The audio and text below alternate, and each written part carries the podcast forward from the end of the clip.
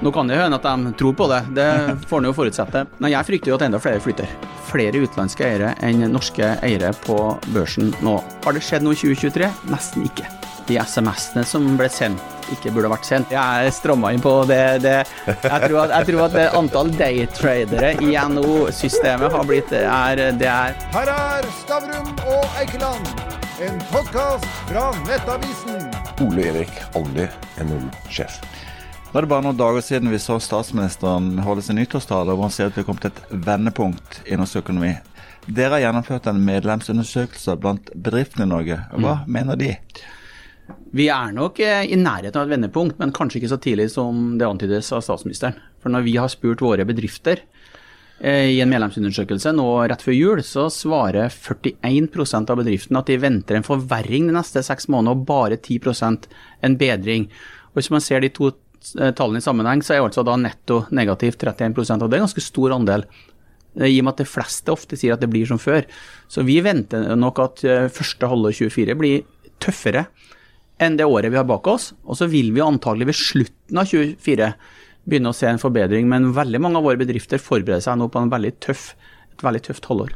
Betyr ikke det på at det ikke er noe, lys, noe vendepunkt vi har kommet nå? Det er, et godt stykke til vi kommer til vendepunkt? Ja, det kan i hvert fall gå, det kan i hvert fall gå langt ut i 24 og kanskje nærmere årsskiftet neste år før det kommer. Men dette vet vi jo ikke, og jeg syns også det er jo dristig å love noe som helst, da, må man jo si. fordi det, vi har jo sett de siste årene med pandemi og økte strømpriser og krig i Europa at ting snur fort. Men våre bedrifter, og spesielt innenfor bygg og anlegg, forbereder seg på en veldig veldig tøff periode nå framover. Men altså, antall inkassosaker øker. Ja. Eh, forbruksgjelda øker ja. kraftig. Mm. Antall konkurser øker. Yes. Da, da, lurer jeg på mm. Jonas eh, Er han en helt annen sånn boble enn oss andre vanlige mennesker, siden han ikke ser dette? Det, det, får han jo svare på sjøl, og det er jo en dristig påstand å komme med at det skal bli bedre. og Husk også at norsk økonomi var veldig robust på vei ut av pandemien. Så veldig mye av den renteeffekten, den negative effekten av renteøkningene, kommer jo etter hvert. For det ligger jo en tre til seks måneder forsinkelse, og vi hadde jo den siste kneppet opp rett før jul. Så for veldig mange husholdninger og bedrifter så kommer første halvår til å bli vanskelig, og kanskje langt inn i andre halvår også. Så det å love at det blir bedre, det, du, det er ganske dristig. Ja. Men hvorfor lover både statsministeren og finansministeren denne bedringen som vi ikke har sett ennå? Hva er motivasjonen bak det? Nå kan det hende at de tror på det, det får en jo forutsette. Men er, de er jo på valg eh, om ikke lenge. Det er valg om halvannet år. Og valgkampen start, har jo starta for fullt. Eh, så klart at det å kunne si til folk flest at det går bedre, det er jo noe som en politiker vil ønske når man sitter i posisjon. Men det er også en risiko med det. Man husker jo finansministeren eh, lovte forbedring for en stund siden, og det ble jo ikke det. Så, så dette får jo statsministeren eh, svare på. Men våre tall er ganske tydelige på dette. Så vi ser at store deler av den landbaserte næringslivet, de som ikke er eksportbasert direkte, de kommer til å få det ganske tøft. og vi sa bygg og anlegg, det samme sier bilbransjen, reiseliv, handel. Det er de som baserer seg på at folk kommer og handler og kjøper hus og, øh, og reiser og, og mat og biler, de tror det blir tøft. Og det må man ta inn over seg. Men, men, men, kan det ha noe å si, jeg vil litt tilbake til det jeg eh, stilte i sted. Altså, Du har en statsadministrasjon uh, som sitter på trygge jobber. Du mm. har i Norges Bank, de sitter på uh, trygge jobber. Du har yrkespolitikerne på toppen som sitter på trygge jobber. Ja. Altså, de, de, har ikke fått føle på den tøffe tiden som man har vært inne i, både gjennom en pandemi og nå uh, eh, gjennom eh, høyere rente og svakere krone og, og alle drittene som skjer. Mm. Er det et sånt uh, problem for, uh, for, uh, for Norge, at, at, det er sånn?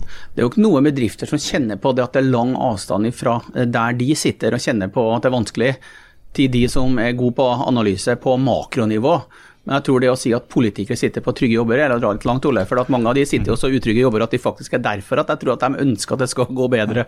For at de skal vinne valg og bli gjenvalgt. På toppen. På toppen. på toppen. Det, tror jeg. Det tror jeg. Det er nytt år, la oss være litt vennlige, da. Vi har fått, eh, vi har fått to nestledere i Arbeiderpartiet, hvor den ene nestlederen er opptatt av arbeidslinja, faktisk, ganske tydelig. Og den andre nestlederen har blitt uh, mye mer opptatt av, av verdiskaping og snakke pent om næringslivet. Ser, vi et, uh, ser vi en reell kursendring, eller bare en endring i talemåter? Nei, vi var jo her sammen for et år siden, før NHOs årskonferanse for et år siden. og Da husker jeg var ganske sånn tydelig på at NO, må også regjeringen Og det politiske Norge viser seg fra en litt bedre side når det gjelder å snakke opp næringslivet og eh, si at det å drive eh, business er faktisk bra. Det å, ha en, det å pantsette huset sitt for å satse som gründer, det er veldig bra. Og det å være privat eier er veldig bra. Vi trenger flere og ikke færre private eiere. Og vi har jo sett et skifte i retorikken. Vi har sett eh, en næringsminister som irettesetter andre på venstresiden som snakker ned eh, næringslivet, og vi har en arbeidsminister som snakker opp arbeidslinja. Det tror jeg er veldig bra. Så, så vi setter pris på det, og ser at de har lytta til oss. For vi var ganske tøffe i fjor. Og nå opplever vi at vi har fått eh, tilbakemeldinger som tyder på at de lytter til oss. Og oss er jo næringslivet. Og vi som skaper verdier i Norge, er jo næringsliv og private eiere overalt. Små og store i alle deler av Norge. Men, men uh, nå har jo mange investorer flytta, og fortsatt flytter jo mange bedriftseiere ja. uh, ut av landet. Ja. Eh, altså Ser vi ikke de langsiktige konsekvensene av at de flytter, eller, eller, er det bare sånn at det, det har ikke noe å si? Nei, Jeg frykter jo at enda flere flytter. Jeg vet jo, Vi har jo kontakt med mange, vi som teller på knappene og vurderer å flytte. Det som er litt sånn, det Paradokset da er at, at, det er jo bra at vi så i et statsbudsjett nå at vi ikke fikk økt beskatning for næringsliv og eiere. Det var jo veldig bra. Og Det forteller noe om at vi faktisk måtte være veldig tydelige og si ifra at nå er nok nok. Det burde vært reversert, det burde vært tilbake på et helt annet nivå. Men ok, det ble nå i hvert fall ikke økning, det er bra. Men for de fleste som driver business, så kommer jo de skatteøkningene nå. ikke sant? Det er jo ikke sånn at du kan si at nei, nå har vi vedtatt det, nå er vi ferdig med det. Altså Effekten av politiske vedtak kommer jo hver dag deretter. Så for mange av de private eierne som har valgt å, å flytte, så har man gjort det fordi at man vet at den formuesskatten kommer og kommer og kommer. og kommer. Så vårt mål inn mot valget 25 er å få en reell debatt om hvordan skal vi få skattelettelser for et næringsliv som trenger det, og ikke minst eiere. Norge er, har, kan bokføre i 23 eh, at det er flere utenlandske eiere enn norske eiere på børsen nå. og Det er et taktskifte som er veldig feil retning for oss. En annen ting egentlig fra statsministerens nyttårstale, det er jo på en måte fokuset på alle de tingene vi ikke kan gjøre noe med. Det er liksom, det er krig i Ukraina, det er krig i Gaza, det er pandemi vi har hatt, ja. renter som velter innover Norge. Har vi politikere som ikke har handlekraft? Eller for å si det sånn, Vi trenger i hvert fall politikere som har handlekraft. fordi det, det, er lett å lene seg på at ting skjer rundt oss som ikke kan gjøre noe med. Det er jo ikke noe nytt fenomen. Nå er det litt mere. Vi har hatt pandemien, og vi har veldig mye geopolitisk uro som påvirker oss. Vi har en klimakrise. Men vi kan jo gjøre veldig mye. For å ta ett eksempel. Da. Vi kan si at vi skal ha mer vindkraft i Norge på land, og tåle den konflikten. Vi kan si det. For det er politisk handlekraft som skal til. Vi kan si at vi skal gjøre mye mer for private eiere, for vi vet at det er private eiere som investerer i det grønne skiftet. Så, så, ja, det er mye som skjer som vi ikke kan gjøre noe med, men vi kan også gjøre noe mer eh, enn det vi gjør. Vi kan f.eks. si at det året hvor vi feirer 30-årsjubileet for EØS-avtalen, kan vi si at istedenfor å utrede om vi skal ha en EØS-avtale, så kan vi si at vi, må integrere oss enda mer med Europa. Så det er mye vi kan gjøre, for da kanskje også demme opp for den negative effekten av det som skjer rundt oss. Men altså, vi har en næringsminister som han, han prater jo mye, det er vi vel alle enige om, på inn- og utpust. Eh, det gjør vi òg. Ja, ja, jo, jo, jo. Hva, hva, mener du? Ja. Men, men, vi har en næringsminister som, som prater på, på, inn- og utpust og, og, mm. sier mye. Eh, er du imponert over eh, slagkraften hans? Altså? Det er klart det er, jo, det er jo sånn I politikken så er det jo veldig viktig å prate, men det aller viktigste å levere. ikke sant? Og Vi, vi vil jo kunne etter fire år se om det ble levert nok. Eh, og jeg mener jo at det, sånn, Vi vil alltid være utålmodige fra eh, næringslivet på at det bør leveres mer. Men det er jo, det er jo noe av det som næringsministeren har ansvar for. Men det går jo på sånn generelle ting. Vi snakker om skatt. ikke sant? Skatt må jo regjeringen levere samla. Det går på får vi de investeringene vi ønsker, snakker vi opp private eiere. Så, så vi er nok sånn vi er nok litt mer happy nå enn vi var for et år siden, men det er jo først når vi gjør opp status i 25 at vi vil se om det er bra nok. Og jeg mener jo sånn generelt at Norge har tapt litt fart i forhold til Europa på det grønne skiftet, på digitalisering, hvor vi faktisk da kanskje trenger en liten oppvåkning. Det kommer til å være et viktig tema for meg fra årskonferansescenen og eh, når vi møtes til årskonferansen 9.1 å få litt oppvåkning på de tingene som vi snakker om. Og Da må vi slutte å snakke om det vi ikke får til, men da må vi gjøre det vi kan gjøre noe med. Men på Digitalisering er jo litt interessant. Uh, altså, Mitt inntrykk er jo at uh, særlig norske stat og det offentlige Norge ligger relativt langt fremme. Altså Måten vi leverer selvangivelser på. Ja. Uh, altså Vi har ja, Altinn og he hele opplegget. Mm. Altså, sånn sett så tenker jeg at Norge ligger relativt langt fremme. Jeg husker jeg skulle få dekning av noe eh, amerikanske stat for noen år siden eh, med å reise. Da, da kom det med eh, en sjekk med budbil hjem på døra. Kan tenke deg hva det kosta. Det var den amerikanske stat, for de, de kunne ikke overført til en dollarkonto. Så eh, ligger jo ikke vi litt heller mer fremme enn bak? Litt etter hvordan du vurderer. Vi lå veldig framme på offentlig sektor på betydning grensesnittet mellom husholdninger og, og stat. Eh, Selvangivelsen er jo et veldig godt eksempel på det. Men når det gjelder privat-offentlig samarbeid på Hvis du tar KI, da, kunstig intelligens, så er det fortsatt mye å gå på. Deling av data. Tilrettelegge for at den dataen du har, kan brukes til å lage business. Vi har masse helsedata. Hvordan bruker vi det til å lage business i Norge? Altfor dårlig. Eh, Det går på at offentlig sektor burde ha invitert privat sektor inn til å si nå skal vi reformere offentlig sektor. Vi skal ned 10% eller 5% eller noe i bemanning ved å bruke digitale, de digitale mulighetene vi har massivt, slik at vi kan få arbeidskraften der den er mest produktiv. Det kunne vi ha gjort. Og vi ønsker jo et samarbeid med, eh, med regjeringen og kommer til å få det, det er jeg sikker på, på, på den, dig- hvordan digitale muligheter KI kan utvikle Norge enda mer. Så skal vi lære av det som er bra, Ole. Det skal vi gjøre. Og så skal vi ta det et steg videre. og Dette er egentlig ikke noe, dette er bare en invitasjon til et samarbeid hvor også næringslivet skal strekke seg litt lenger. og Vi har jo målt dette, og vi vet jo at det, det er for få bedrifter bl.a. som har sett nytten av KI, og som i løpet av året må faktisk få øynene opp for det. Jeg må- jeg må jo spørre deg om dette. da. Altså, hvis, du, hvis du kan velge nå, når du er statsminister, du kan bruke kunstig intelligens og redusere antall ansatte i offentlig sektor med 10% vil du gjøre det? Ja, det vil jeg. Jeg vil ha det som et mål. og Dette er jo ikke noe uvanlig. Det er 80 000 mennesker og sånt. Så Ja, men jeg tror det vi kommer, det, dette landet kommer til å slite med mangel på arbeidskraft. ikke sant? Og så kan du si redusere med 10% i forhold til behovet vi har om ti år. Det kan godt hende at du har det samme antallet som i dag, men ikke skal øke. ikke sant? Fordi at du ser at vi har eh, Vi så jo den helsepersonellkommisjonen si at vi har jo behov for titusenvis av nye folk innenfor helse. Ok, og de, sier jo det. La oss prøve å få det antallet til å bli nok, men ikke for mange, og bruke andre muligheter. Samarbeid med private. Samarbeid med digitale, eller selskaper som skal utvikle digitale løsninger. Det er jo ikke noe mål for meg å, at offentlig ansatte skal ut. Vi trenger jo flere innenfor mange områder, men vi må passe på å bruke de der vi kan bruke de. Og det bør være et mål som det vil være enhver bedrift.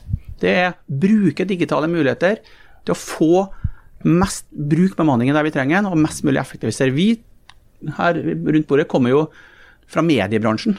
Jeg kommer jo derfra Altså, jeg satt langt inne og fjernet typografene, men i ettertid Kjære vene, det var jo helt riktig. Det kan vi takke Robert Murdoch for. Ja, ja. ja det tok lang tid, dette landet. eller Nettavisen Ja, ja, ja, i Norge. ja, men, ja, ja. Jo, men, dere var jo, dere var jo disruptive i hele tilnærmingen, ikke sant?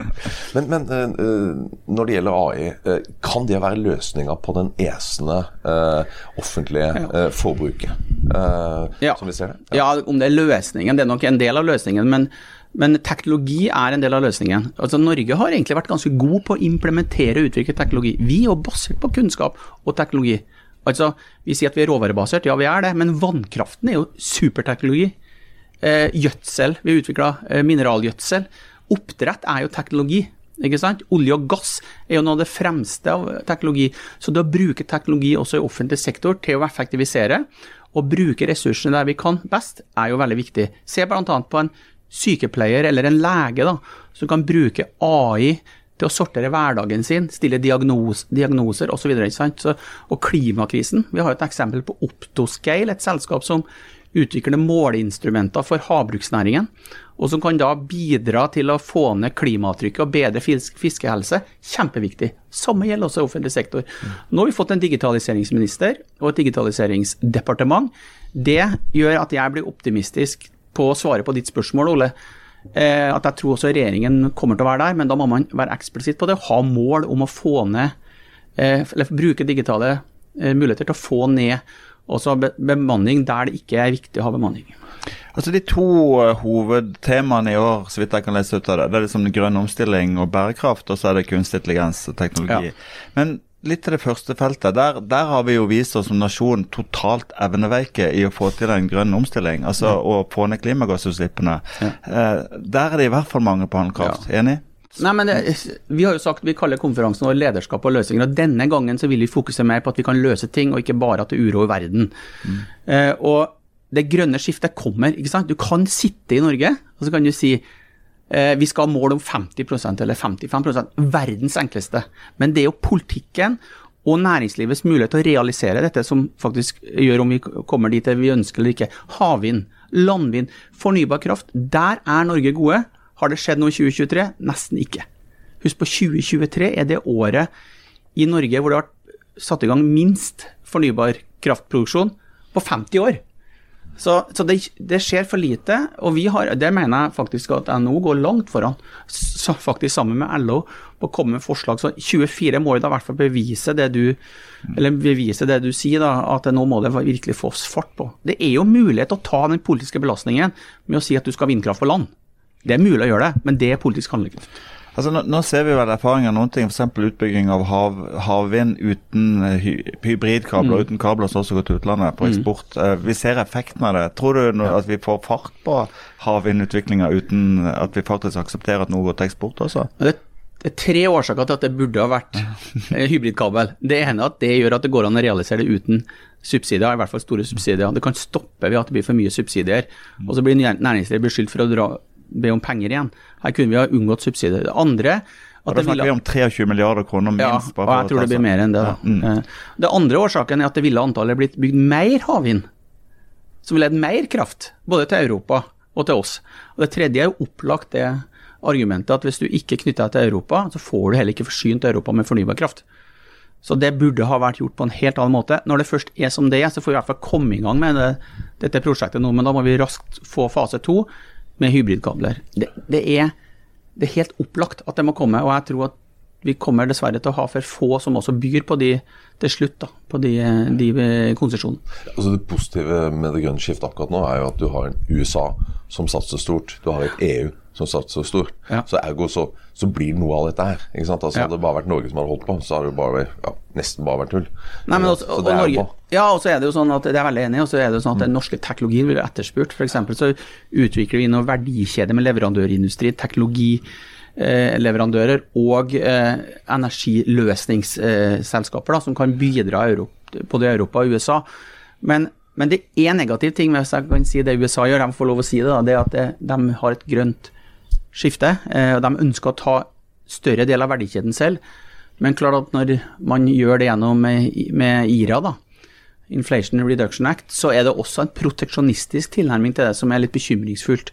For du har et USA nå som ønsker å gå sin egen vei, du har et Kina som går sin egen vei, og så har du et Europa in between.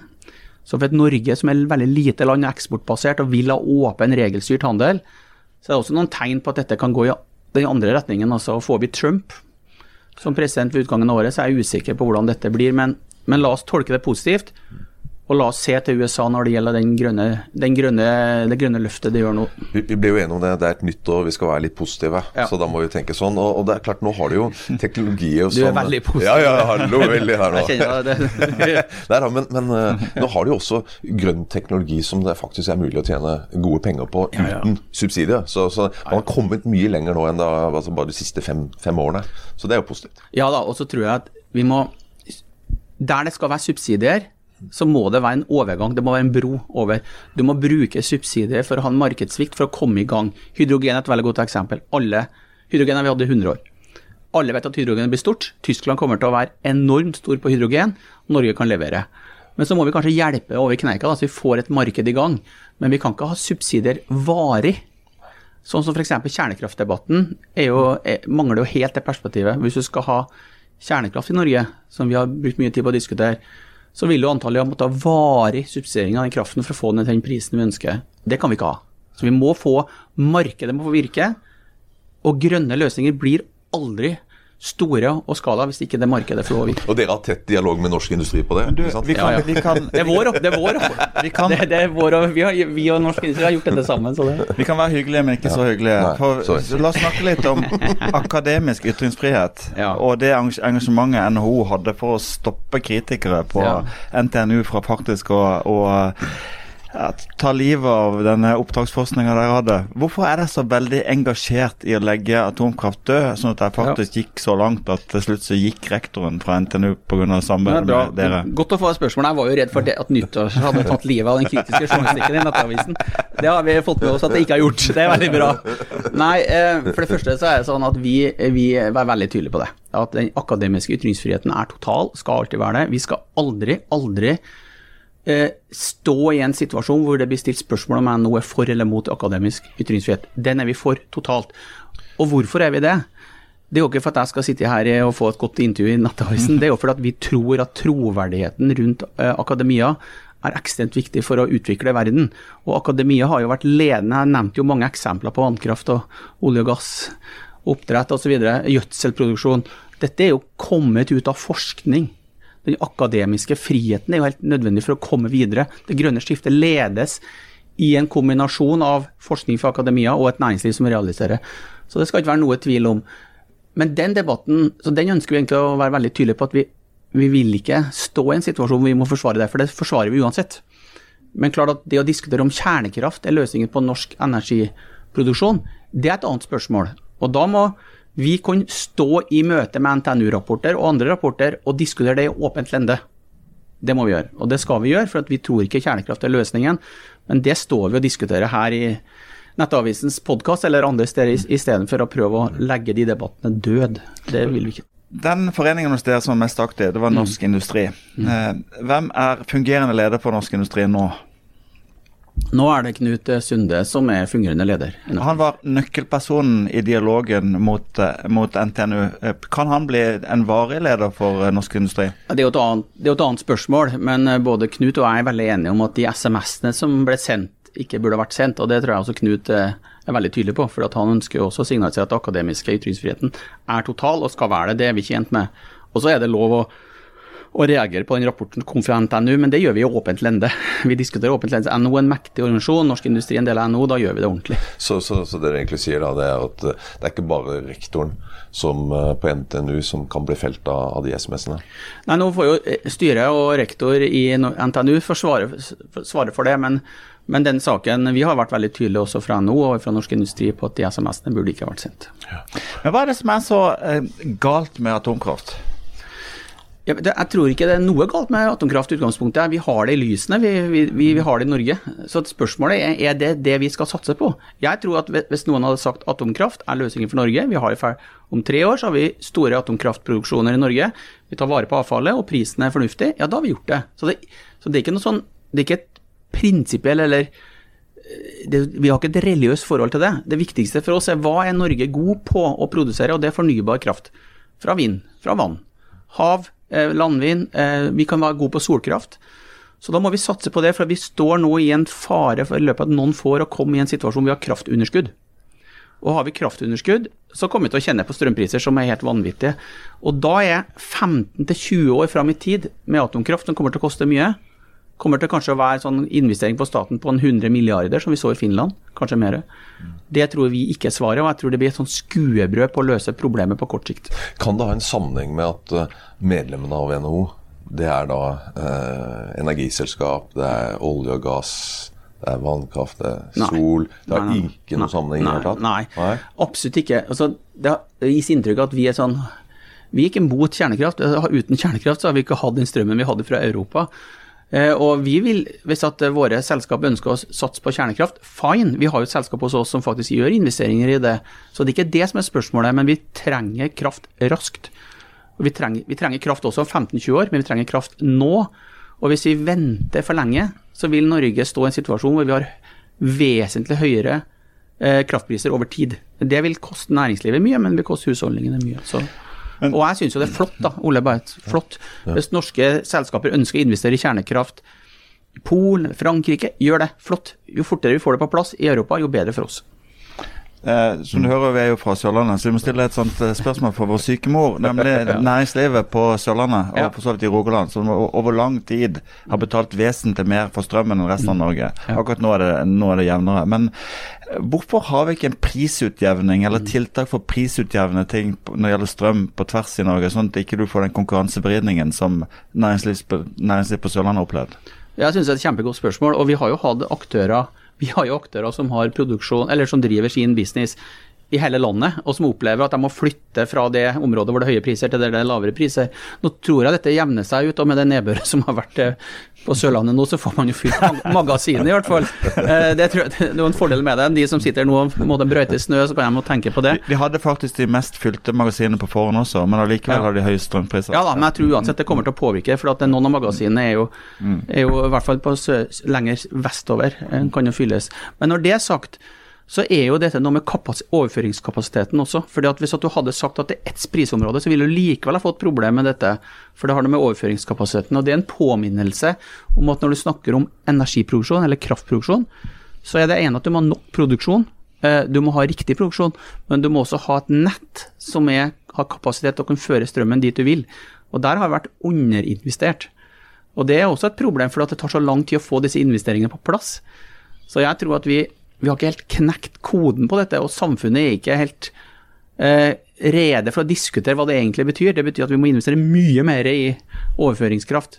Nei, overføringsnett. Altså nettet må, må investeres mye mer, om det er Statnett eller om det er selskapene som får investeringen. Og der er vi ikke Der ligger vi bak.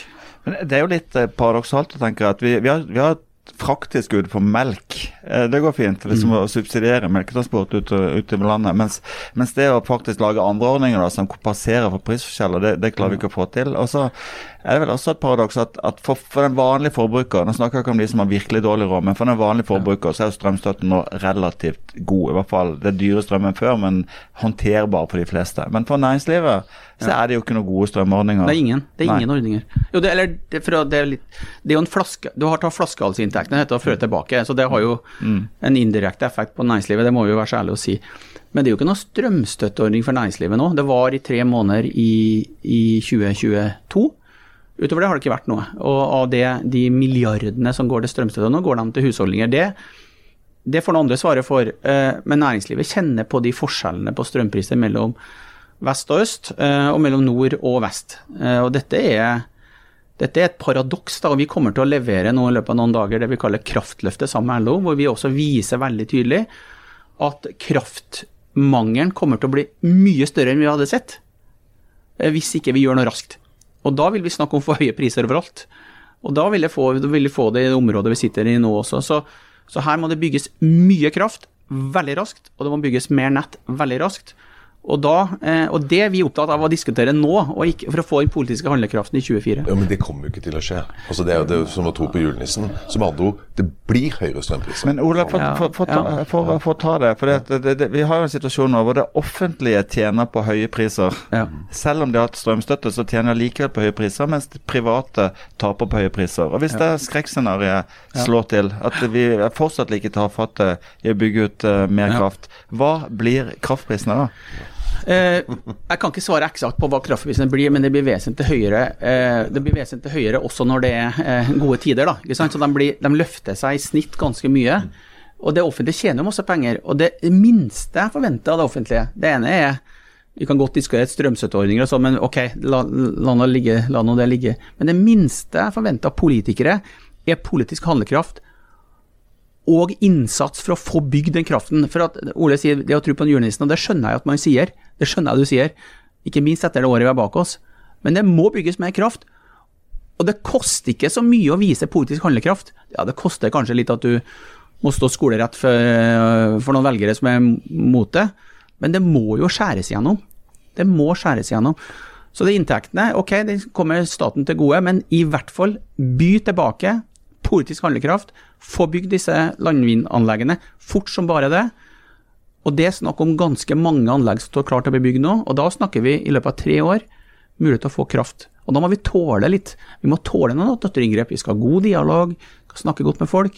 Når vi laga et skattesystem, etter mye om og men, så fikk vi landa et skattesystem som gjør at inntektene går tilbake også til kommunene. Men få bygd disse anleggene, legg til rette for det.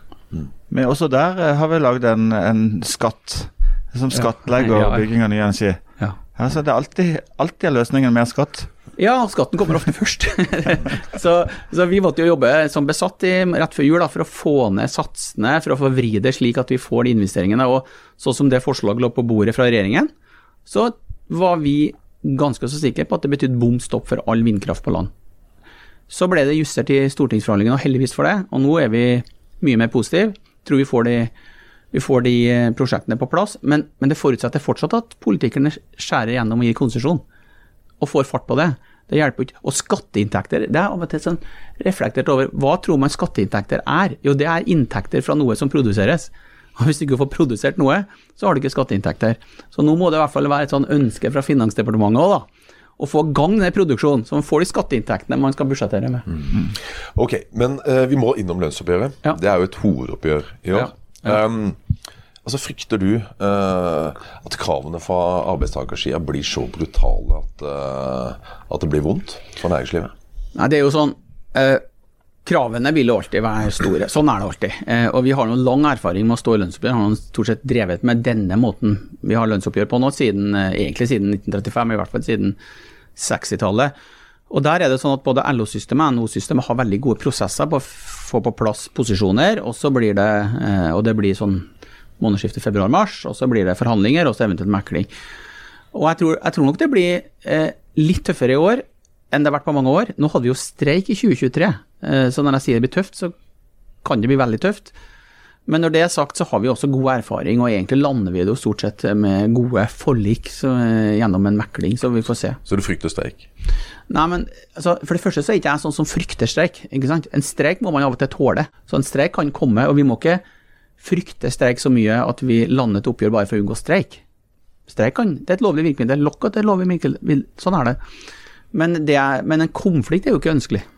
Så det å lande en løsning som både bedriftene og bedriftenes konkurranseevne eh, styrker, det bør vi styrke konkurranseevnen til bedriftene, samtidig som at de som skal få lønningen også opplever at de har fått litt igjen. Det må, det må være en overskuddsdeling eh, på et vis her. Men nå, nå får vi jo Det er to par også, tenker jeg. da. Det ene er at vi fortsatt har veldig høy prisstigning. Så hvis du skal ha økt kjøpekraft, real, eh, økt reallønn, så, så må oppgjøret være ganske høyt. Eh, Kan du si at det blir økt kjøp kjøpekraft for den vanlige LO-medlem i år? Nei, jeg vil ikke si noe om det. For, at, for det første så må vi jo nå få disse beregningene, teknisk beregningsutvalg, såkalt TBU, det er litt, annet, det er litt sånn stammespråk, men de beregner jo da eh, hva prisveksten blir for året. Det kommer til å bli lagt fram i februar, så får vi nå se på det. Eh, nå forventer jo vi at inflasjon går ned etter hvert, og at det også vil ha betydning for oppgjøret, vil jo opplagt ha, da, men vi får, vi får se. Eh, det her kommer til å bli tøft, eh, opplagt, og vi kommer til å måtte stå, stå i det, men vi får se hvor vi lander. Det andre store paradokset det er jo frontfagmodellen. Altså Nå har vi en situasjon hvor eksportindustrien går så det ljomer og har lønnsevne så det står etter. Det viser jo din egen undersøkelse at eksportbedriftene går bra. Ja. Eh, så de skal på en måte holde igjen, sånn at den, den, den Ja. private sektoren i, i Norge ikke må betale så høye lønninger. Mm. Samtidig som du har forbund som Sykepleierforbundet og lærere og Unio som vil ha eh, slutt på frontfagmodellen. Tror du at den overlever et lønnsoppgjør til? Ja, jeg tolker ikke de organisasjonene sånn at de vil ha slutt på frontfagsmodellen. De utfordrer litt, eh, utfordrer litt hvordan den er utformet, men jeg opplever at de står bak den. Ja, og så er det viktig sånn at Gunnar, frontfaget er, hvis du ser på isolert akkurat frontfaget, så er det ganske delt der òg. Du har verftene som sliter ganske mye, og så har du den, den delen av industrien som er veldig eksportorientert, som gjør det bra. Så industrien kjenner på den, eh, den eh, dualismen akkurat eh, som alle andre gjør nå. Og så er jeg jo, har jeg jo vi har jo lang erfaring med å stå samla og ta hensyn til de som sliter. Så Det er jo egentlig frontfagsmodellen absolutt fineste side. At man, ja, man forholder seg til eksportbasert industri, men man ser også hele bildet. Og Det har jo også tjent offentlig sektor. da, så De som er i offentlig sektor som ønsker store lønnstillegg, ja, det har jeg respekt for, men det tjener alle at norsk eksport eh, gjør det bra. Det gjør det uansett. Og det, og det er det lange perspektivet veldig viktig. Men ok, Det meste blir jo dyrere for vanlige folk. ikke sant? Svak krone. Selv om man styrka seg litt det siste, ja, men en svak krone. Ja. Har Utenlandsreiser eh, dyrere. Mange varer blir jo dyrere pga. importen. Absolutt. Prisene øker. Um, du har strømprisene, og som sagt, vi tror ikke på julenissen her, så høyst sannsynlig vil jo de bli veldig høye de neste årene også, for vanlige folk. Så fortjener ikke de et bra oppgjør, nå? Jo, men strømpriser må vi ta litt forbehold om, for når det regner veldig mye, så har det betydning. Og nå har det snødd mye, så la oss nå se på det strømprisene. Men klart at i det lange løp så har du rett i forhold til det, at derfor så må det bygges mer kraft. Nei, fortjener Ja, det er sånn, dette er jo alltid en diskusjon, ikke sant. Det, det man må alltid sikre i Norge, det er at det er lav arbeidsledighet. Og at vi har høy eksport som finansierer den offentlige sektor, som etter min mening er for stor. For sagt det. Men det krever jo i hvert fall at vi har gode eksportinntekter da når vi har en så høy offentlig sektor, som igjen eh, tjener de som jobber i offentlig sektor. Så dette er jo et samspill. Og så er det jo sånn at Man må jo ta hensyn til hvordan utviklingen har vært over flere år. Og NHO har jo en veldig klar melding om at når du har store overskudd, så skal det deles mellom eiere og ansatte. Sånn er det alltid. Så vi kommer til forhåpentligvis å finne en løsning også i år som ivaretar alle hensyn. For å nærme oss en slutt. Du nevnte at ledelse er et stikkord i år. Mm. Eh, og kanskje underforstått mangel på ledelse. der. Hva, kommer det av? Hvorfor har vi ikke den typen eh, ledelse i Norge? Ja, det er nå tror jeg vi har mye god ledelse. Lederskap er det vi kaller det. og Jeg tror, tror at vi trenger ordentlig sterkt lederskap. Vi snakka veldig mye om det i dag, egentlig, med grønt skifte og at det må politisk handlekraft til. Så tror jeg næringslivet også må ta steppet på å vise hvordan løsninger kan bidra til å løse hverdagen til folk og det grønne skiftet. Så vi trenger lederskap på alle områder. Og så tror jeg kanskje litt av årsaken til at vi ikke nødvendigvis har den kniven på strupen i Norge, at vi har sant? Vi kjenner litt på det alle sammen, men det er nå tross alt ganske god økonomi i Norge kontra veldig mange andre land. Når det går dårlig andre steder, så går det ofte bra i Norge, for vi har en eksportbasert industri som tjener på lav krone, mens andre opplever at det er høye eh, priser på reisen. Ole, som du nevner, så er det faktisk sånn at det er høye inntekter til staten, bl.a fordi at du har store inntekter fra olje og gass. Så vi har litt sånn god råd av og til, og når du har god råd, så vil du kanskje ikke kjenne den kniven på strupen. Så jeg tror at vi må dra oss dit at vi ser at vi tenker 2050, og ikke 2024 når vi driver med politikk. Og Det betyr at da krever det større lederskap. Vi har nevnt USA, vi har nevnt EU, og av og til så kjenner nok jeg litt på, både fra næringslivet og politisk side, at vi må la oss inspirere av det lederskapet som blir vist andre steder. Og det er altså sånn at noe av det mest imponerende når Tyskland i løpet av ni måneder gjør seg uavhengig av russisk gass. Altså Det er politisk lederskap. Og Det har vi litt å lære litt, litt, av. og Vi ønsker å vise at lederskap er litt av det som skal til for å løse det som er av store utfordringer foran oss. da. Og da bygge et regjeringskvartal til 50 milliarder, det er godt, godt lederskap? Ja, det, det, det, det, er også lederskap. Men, men, men, men, jeg er nok Altså, jeg tror at det er lurt å bygge et Jeg har ikke noe mye mening rundt det med regjeringskvartalet, men jeg tror at det viktigste lederskapet skal vi vise i samspillet mellom offentlig og privat sektor når det gjelder bl.a. kraft forskning, teknologi, det vi har vært gode på. F.eks. så må vi ta et ordentlig digitalt kraftløft nå i dette året, hvor vi da tror på teknologi. Og vi ønsker å bruke teknologi bl.a. til å ivareta de behovene vi har innenfor offentlig sektor, Vi også flytter folk dit vi ønsker å ha dem, og bruke teknologi. Så, men lederskap, det, aldri, det går aldri av moten. Men manglende lederskap, det er farlig. Jeg har et godt innspill til deg for rasjonalisering i NHO-systemet. Ja. Stram inn på ledelsen, sånn at de ikke har råd til å drive med 3600 daytradingsoppdrag når de er på jobb. Det er stramma inn på. Det, det, jeg, tror at, jeg tror at antall daytradere i NO-systemet har blitt er, det er minimalt, for å si det sånn. Det, vi skal ikke ha det. Vi skal bygge tillit. Du fikk Stavrum og Eikeland, en podkast fra Nettavisen.